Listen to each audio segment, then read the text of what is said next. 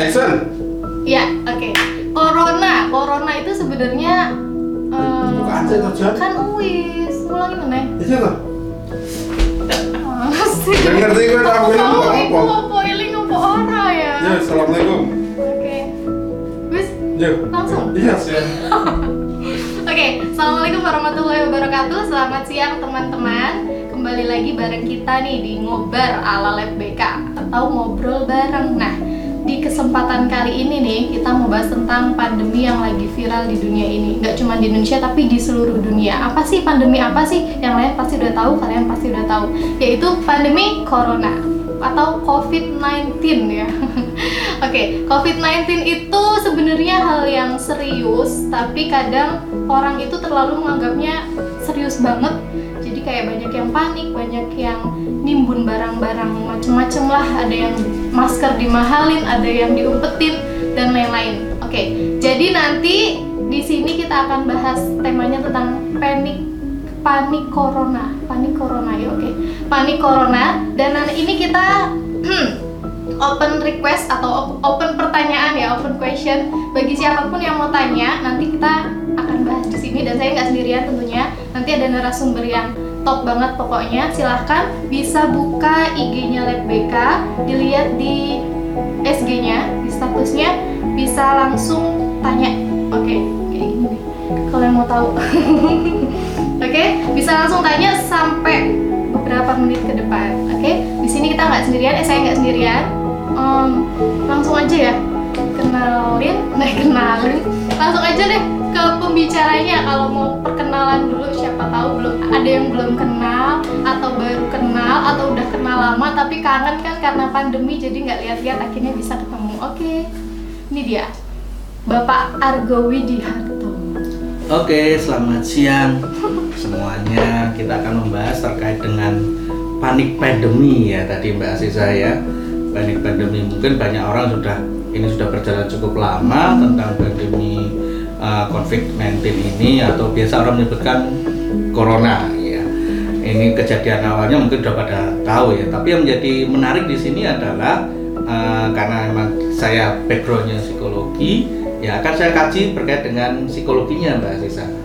Jadi misalnya kalau kita lihat ya beberapa bulan yang lalu ada panic buying di Jakarta itu ya sampai mall kemudian diborong beberapa orang terkait dengan bahan makanan karena akan terjadi isunya ada lockdown Jakarta itu.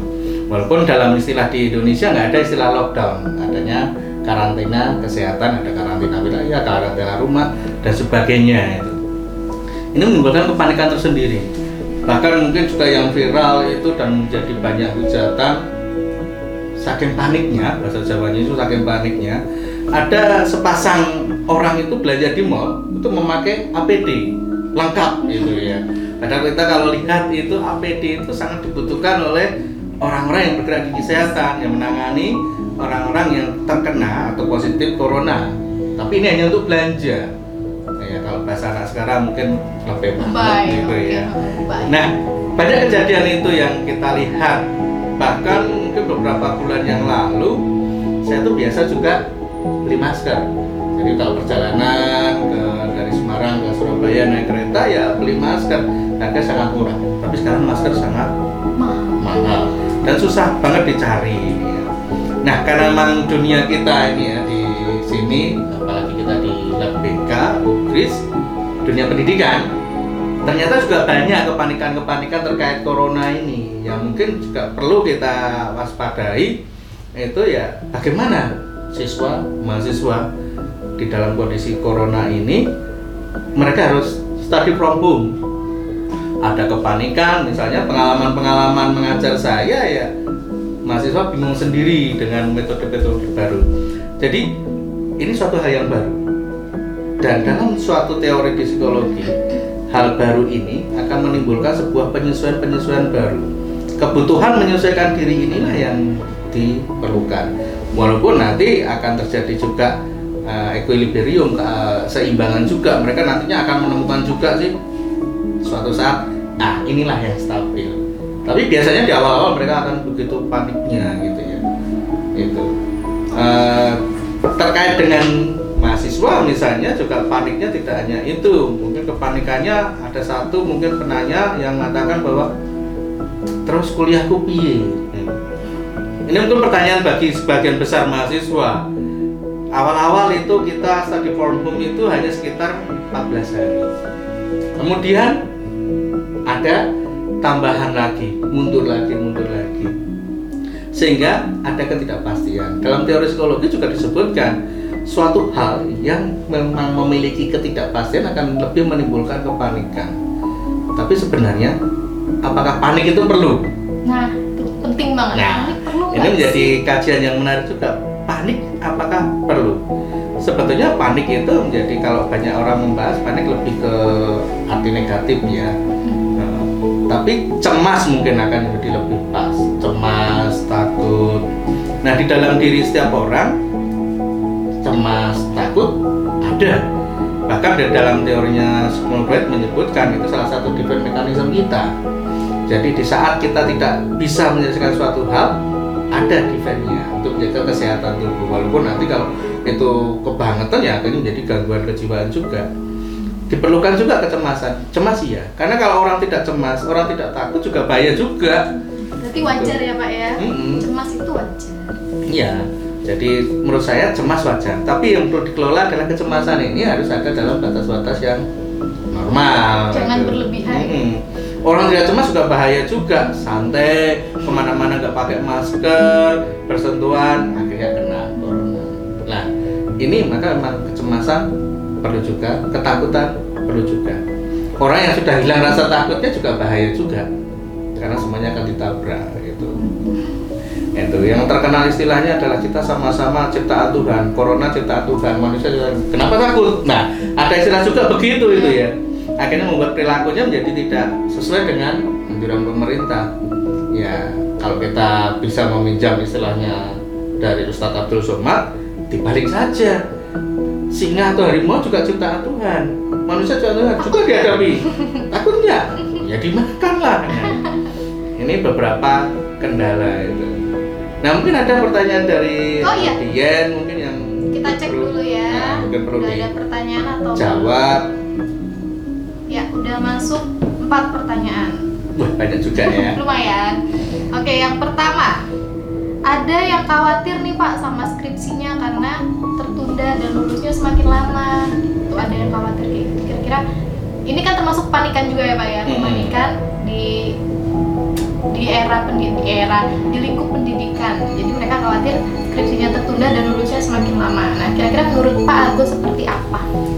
Ya kepanikan ini malah menjadi awareness atau kesadaran kita untuk menjadi berbuat lebih baik walaupun kalau di apa ya dilihat lagi banyak juga nggak ada corona aja mereka juga lama-lama kuliahnya ngerjakan ya? iya ngerjakan skripsinya juga lama-lama gitu ya Dengarkan baik-baik. itu itu kalau dalam teori Sigmund Freud juga defense mechanism Oh, iya. jangan-jangan untuk pembenaran ya. Oh, rasionalisasi terhadap kelemahan-kelemahan dia itu ya wah jadi kalau dia tidak lulus-lulus ya disalahkan corona. Corona. memang make sense sih ya. Akan jadi enak karena semua orang sekarang berpikir corona. Iya. kenapa nggak lulus mbak? Ya, Karena corona pas- gitu. Seakan-akan. Eh, seakan-akan itu. Walaupun sebetulnya kita nggak perlu karena dari terutama di Universitas PGRI Semarang udah ada tindakan-tindakan dari pimpinan rektor beserta wakil rektor ada tindakannya. Prinsip utamanya adalah kalau di UGRIS itu bagaimana kita tidak menghambat mahasiswa lulus? Sebetulnya kalau itu saya tidak perlu mengkhawatirkan. Sebetulnya yang dikhawatirkan adalah kepanikan sendiri sehingga itu menjadi defense mechanism untuk tidak membuat karya. Misalnya Oke. skripsinya atau bahkan mungkin pembenaran-pembenaran lain. Nah jangan digunakan corona ini untuk pembenaran. Itu menjadi repot juga kalau begitu. Nah, ada jadi jalan keluarnya ada dan bisa saya jamin juga khususnya untuk mahasiswa BK Universitas PGRI Semarang kalau Anda tidak terlalu panik dan Anda itu selalu mengupdate informasi banyak caranya. Tapi mungkin nggak perlu disampaikan di sini. Yang jelas adalah saya sudah tahu bahwa tidak mungkin tertunda lulusnya kecuali diri Anda sendiri yang akan menunda Ya, Ya, kembali ke dirian. Oke, good. banyak strateginya ujian bisa online kuliah bisa online bimbingan online juga jadi fasilitas-fasilitas itu ada dan bahkan itu tidak hanya di Universitas PGRI hampir semua universitas Universitas. sudah itu jadi untuk mengurangi itu kembali lagi cari informasi nah mungkin kalau melihat itu Mbak Aziza Ya. Saya jadi teringat sebuah teori dari Dodge tahun 1986 mengapa orang menjadi salah menginterpretasikan mengapa orang menjadi panik? Karena di situ ada teori pemrosesan informasi. Ada enam langkah. Yang pertama adalah seorang mendapatkan informasi. Itu akan diterima oleh sensori kita. Hmm. itu bisa pendengaran kita, penglihatan kita. Kemudian seseorang itu akan menginterpretasikan informasi itu jadi seperti apa. Biasanya interpretasi ini juga akan berdasarkan pada suasana hati dia, pengalaman dia, keinginan-keinginan pribadi dia gitu. Setelah itu dia akan mencoba mengklarifikasi informasi ini untuk menentukan saya mau apa, tujuan saya apa, keputusannya seperti apa. Langkah berikutnya keempat itu adalah mencoba mencari ide-ide untuk kita merespon seperti apa. Banyak berarti kan responnya banyak sekali. Nanti akan saya coba jelaskan terkait dengan kecemasan tadi yang tidak lulus itu tadi. Itu. Kemudian memutuskan respon apa yang akan kita ambil baru kita merespon. Nah, bagi yang bertanya terkait dengan kekhawatiran kecemasan tidak lulus, coba yang pertama gali dulu informasi yang benar. Itu. Kemudian interpretasikan. Itu. Interpretasi seperti apa? Biasanya akan menjadi klarifikasi ini penting. Kelemahan mahasiswa, kelemahan anak muda adalah biasanya tidak klarifikasi. ya. Iya, oh, ada informasi apa ditelan mentah-mentah. Misalnya besok Semarang akan lockdown. Oke. Wah, Nah inilah yang kadang menyebar ke masyarakat menjadi hoax itu. Hmm. Karena di situ tidak ada kemampuan kita untuk mengklarifikasi. Itu. Mengapa begitu? Kalau menurut pendapat pribadi saya, itu berdasarkan pengamatan saya, karena orang Indonesia literasinya kurang. Jadi ya apa yang diinginkan langsung cepet-cepet sekali gitu ya. Percaya aja. Ya. Nah kemudian saran untuk yang tadi bertanya, silakan mencari ide-ide untuk merespon. Setelah kita mengklarifikasi itu, baru tentukan responnya apa. Langkah-langkah inilah agar tidak sesat dalam mencari informasi, maka manfaatkan medsos. Medsos kita banyak, misal kita bisa punya jejaring di WhatsApp, Facebook atau apa. Nah, informasi yang kredibel itu yang menjadi sumber dari klarifikasi. Kalau itu gagal, ya sudah. Sebenarnya kasus ini sama dengan kepanikan-kepanikan yang lain bahwa ke mana-mana kita harus bawa hand sanitizer misalnya. Ya oke, tapi kalau kita tidak tahu penyebab dari sebuah penyakit yang bernama corona, maka ini langkah di tadi klarifikasi tadi penting di situ. Maka kita akan menjadi khawatir, khawatir, khawatir dan khawatir terus. Maka menjadi kecemasan, menjadi kecemasan neurosis menurut saya. Jadi nggak wajar itu. Tapi kalau kita memahami semuanya, ya akan enak-enak saja sih. Gampang, simpel. Hampir setiap hari kalau saya nonton televisi, pasti ada info tentang uh, corona ini. Bahkan di Ubris sudah ada Satgas COVID-19. Nah, itu ada itu di bawah pimpinan Pak Arisul itu ada di situ lengkap bisa diakses juga kok informasi-informasinya apa. Jadi ini tidak khusus hanya untuk yang tadi ya ketakutan skripsi nggak selesai-selesai terus nggak lulus-lulus ya itu. Tapi secara umum mahasiswa juga bisa mengatakan bisa mengambil langkah-langkah dari Dodge ini. Kesalahan biasanya ada di interpretasi. Agar nggak salah, klarifikasi. Klarifikasi sumber yang kompeten yang bisa dipercaya. Gitu. Ya kalau nanti kalau di BK klarifikasinya bisa ke prodi begitu lah misalnya. Jangan klarifikasi ke teman sendiri. Apalagi. Ah, apalagi teman yang sama-sama males membuat skripsi. ya. Maka itu akan menjadi penguatan. Penguatan menjadi pembenaran.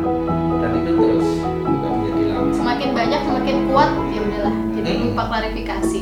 Oke, mungkin ada lagi yang terkait Ya. dengan Di itu dulu mungkin ya Pak ya disimpulkan. Yang tadi intinya jangan cuman khawatir tapi action. Gimana caranya action? Bisa dari klarifikasi ke orang-orang yang bisa dipercaya. Oke, selain itu karena waktu luangnya semakin banyak kayaknya ya Pak ya harusnya kan Hmm. mereka semakin semangat untuk ngerjainnya lebih giat lagi karena waktunya semakin banyak. Oke lanjut ke pertanyaan kedua. Ada yang tanya nih Pak, tips biar nggak bosen di rumah selama corona enaknya ngapain ya? Oke, kan banyak nih yang udah mulai jenuh Pak di rumah, apalagi udah berminggu-minggu, udah berapa minggu kan udah mulai bosen dengan kegiatan di rumah. Kira-kira tips dari Pak Argo apa sih biar nggak bosen selama di rumah? nggak bosen sebenarnya simpel aja sih ya banyak hal yang bisa kita lakukan di rumah permasalahannya adalah kadang kata-kata yang sekarang menjadi trending topik kan tagar di rumah aja Hmm. iya ini kembali lagi kalau saya menggunakan teori Dobbs itu interpretasinya juga menurut inter- interpretasi secara umum di rumah itu di dalam sebuah bangunan bentuknya kotak ya dinamakan rumah Iya, oke. maka kita memperluas rumah itu tapi ingat prinsip-prinsip dari uh, physical distancing, social distancing tetap kita pakai gitu. Jadi kalau memang kita hanya di kota ya mohon maaf mungkin ada juga yang rumahnya hanya sekedar satu petak itu ya akan menjadi sangat bosan. Tapi kita bisa beraktivitas banyak hal sebetulnya. Zaman sekarang itu Anda diuntungkan dengan kemajuan zaman. Itu selain di rumah kita definisinya kita perluas, rumah itu juga menyangkut halaman. Maka aktivitas jangan hanya di dalam rumah, bisa di halaman, menikmati. Kuncinya sederhana, kita akan gunakan teori dari uh, well-being. Bagaimana kita harus bahagia? Nikmati. Itu bahkan kalau dalam meminjam teorinya dari Bu Edang teman saya kuliah, itu di situ ada syukur. Disertasinya tentang syukur. Maka kalau kita bisa mengambil makna dari syukur itu, kita mensyukuri, maka kita akan bahagia. Maka kebosanan juga akan hilang. Simpel saja misalnya saya. Bagaimana saya harus menghindari kebosanan di rumah? Ya mungkin kalau disamakan dengan mahasiswa mungkin agak berbeda ya karena tugas dosen banyak ya bisa dilakukan jadi tidak bosan. Tapi simpel rasanya kalau hujan melihat air hujan turun itu juga menyenangkan juga. Tinggal bagaimana kita kembalikan lagi ke diri kita, membuat diri kita tenang. Tapi kalau air hujan itu kita persepsikan dengan sebuah yang menjengkelkan, ya artinya menjadi tidak tenang juga dan bosan juga. Banyak kegiatan bisa dilakukan yang positif-positif. Itu di rumah banyak sih bisa kita chattingan dengan teman-teman, kangen-kangenan. Bahkan sekarang ada beberapa media yang bisa video call. Itu unik-unik sih. Itu pengalaman kemarin video call itu jadi salah satu melepas rasa kangen. Karena dengan video call itu ya minimal terobati. Oh wajahnya belum berubah. Oh di rumah aja kok tetap masih hitam gitu. Hidupnya tetap pesek. Ya. Ya menurut saya sekali keluar boleh bertemu dengan tetangga bisa, tapi perhatikan juga physical distancingnya itu. Eh, APD-nya pakai masker. Sekarang kan anjuran pemerintah Wajib. Wajib Pakai masker. Masker walaupun jangan masker bedah yang standar itu. Hmm, gampang itu ya. Jadi banyak yang bisa dilakukan. Terutama itu kalau mahasiswa wow banyak yang harus dipelajari. Tuh dengerin ya Pak. menyiapkan materi kuliah itu menjadi keasikan tersendiri. Ya. Dinikmati aja teman-teman. menikmati. Kata kuncinya adalah mensyukuri dan menikmati. Dan setiap kegiatan itu adalah kegiatan yang harus dinikmati sebetulnya bosan bisa tanpa ada corona pun juga bosan tergantung suasana hati kita dan bagaimana kita menata diri itu lebih penting lagi. Tanpa ada corona tanpa ada wabah semacam ini nggak dibatasi ketemu nah, tetap bisa kuliah biasa bisa bosan Bisa. bisa juga. Mengapa? Karena tidak pinter-pinter kita bagaimana mensiasati kehidupan kita. Kalau pinter masak ya masak misalnya gitu kan. Sesuaikan dengan hobi ya Pak berarti. Eh, hobi ya yang menarik juga adalah sekarang itu bisnis kan hias naik. Hmm. nah misalnya anda bisa beli ya apalah akuarium kecil memelihara ikan itu aja keasikan tersendiri. Karena merawat itu menyenangkan gitu ya. Karena di dalam merawat itu akan ada tujuan akhir. Maka menjadi tidak bosan. Orang menjadi bosan karena sudah sampai selesai kalau ada tugas yang kemudian menantang sebuah game yang ada tantangannya terus naik naik itu kan mengasihkan nah itu beberapa tip lah ya yang banyak dilakukan di televisi ya memelihara ikan Gitu. banyak banyak sekarang. Banyak yang Hmm. bisa dimanfaatkan karena waktu luangnya semakin banyak. Oke lanjut ya ke pertanyaan ketiga. Saya takut lulus dengan tidak adanya acara wisuda pak padahal cita-cita saya bawa orang tua ke Balairung gimana tuh pak Nah, kalau ini kita kalau istilahnya komputer kita setting ulang. Hmm, Setting ulang tujuan hidup. Dalam psikologi adalah tujuan ini yang akan mengarahkan kita. Nah, tujuan hidup Anda adalah misalnya membawa orang tua ke Balerung untuk wisuda, bukan membawa orang tua ke Balerung ya. Kalau sekarang bisa aja apalagi Balerung jadi sepi-sepinya itu terus ngapain. Tapi momen wisudanya. Nah, kalau ini dipikir terus-terusan akan menjadi kecemasan tersendiri bagi Anda itu bagi yang merasa ini tujuan hidup. Maka kita setting ulang tujuan hidup. Buat sebuah apa ya yang mungkin nggak tulis dengan beneran tapi tetapkan aja bila semacam ini saya harus ngapain kembalikan ke pokoknya apakah memang benar-benar penting mengha- menghadirkan orang tua dalam sebuah wisuda Iya, itu sebetulnya menjadi perdebatan juga terkait dengan beribadah juga. Apakah harus ada jumatan itu kalau yang muslim, kemudian apakah harus ke gereja kalau yang katolik, yang Buddha mungkin nanti ada waisak harus besar-besaran. Itu sama. Yang penting kita ubah demi keselamatan bersama. Penting utamanya adalah lulus. hmm. Iya kan? Tujuannya kan Itu. lulus. Tujuannya lulus. Lulus. Sebetulnya wisuda itu kan bonus ya, Oh, bonus. bonus bonus Iya bonus. Tapi nanti akan ada kebahagiaan-kebahagiaan yang lain. Maka pikiran kita, oh nggak usah wisuda juga nggak apa-apa. Malah menjadi unik. Coba ceritakan mungkin kejadian pandemi ini mungkin tidak akan terulang lagi dalam kurun waktu yang cukup lama, 15 tahun, 20 tahun misalnya. Tapi dibalik cara pandangnya, asik nggak ya?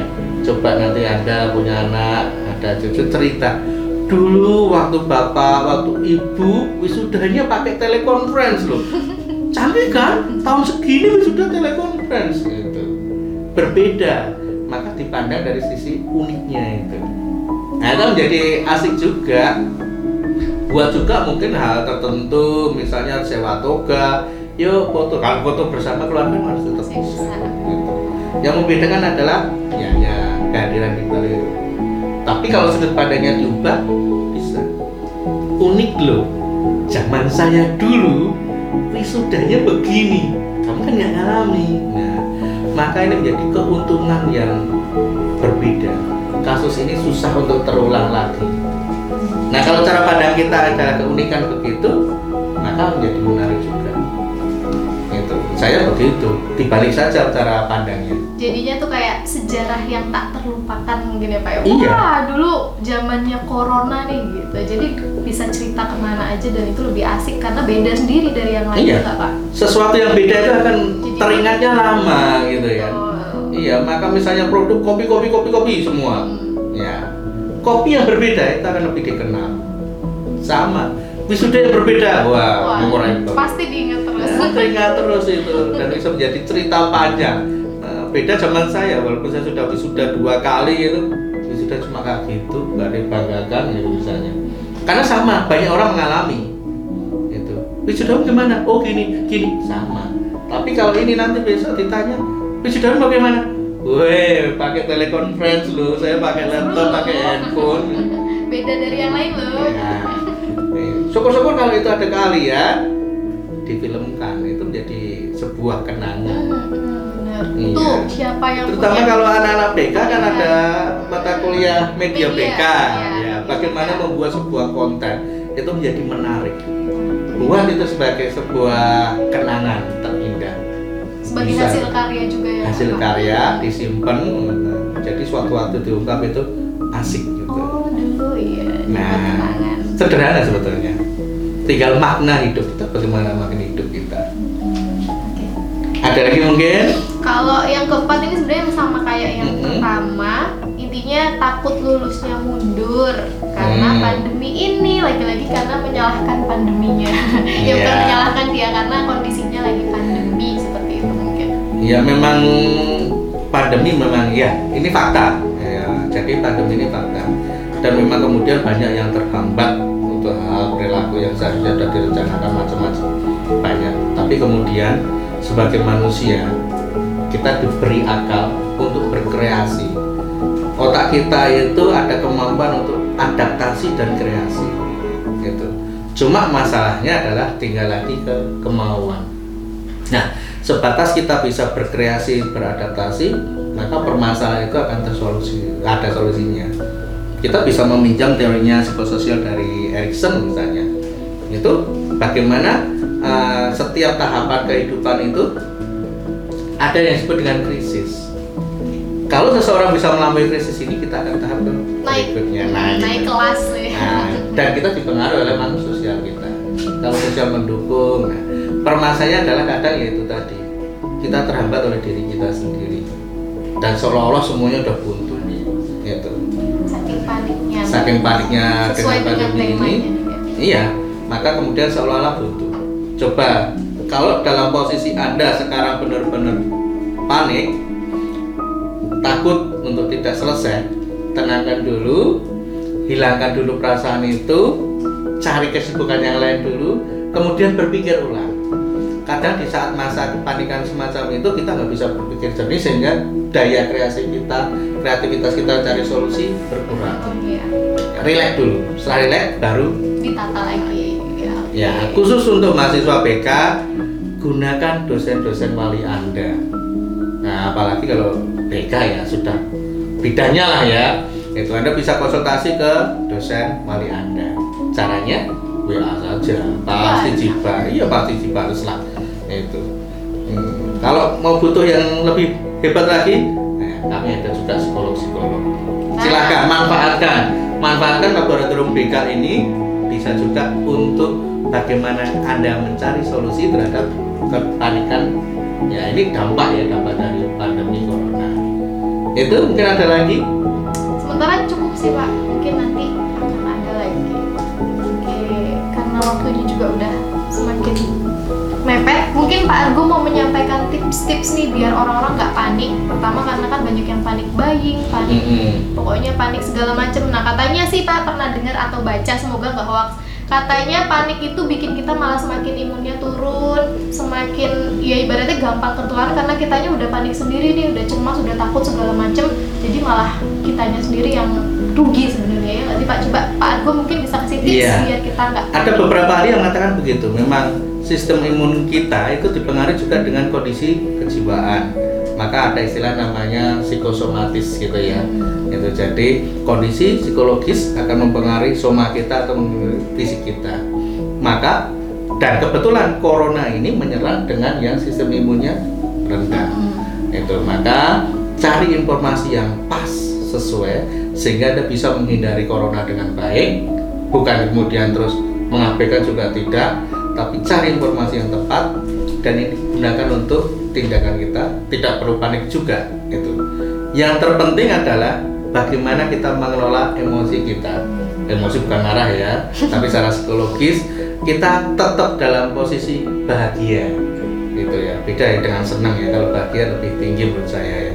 Kalau senang ya bermain game itu senang tapi uh, bagaimana perasaan kita senang itu akan membantu kita lah untuk lebih imun selain juga mesti ada makanan tidak ada satu faktor utama pasti tidak untuk jadi untuk menghindari itu nah, tetap jaga kesehatan fisik kalau saya bilang ke mahasiswa saya adalah jaga kesehatan fisik dan psikologis Iya. cuma fisik aja. Iya, kalau fisik banyak cara.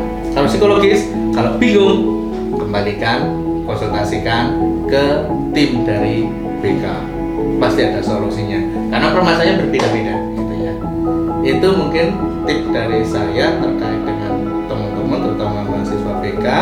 Manfaatkan semua fasilitas yang ada di BK Unkris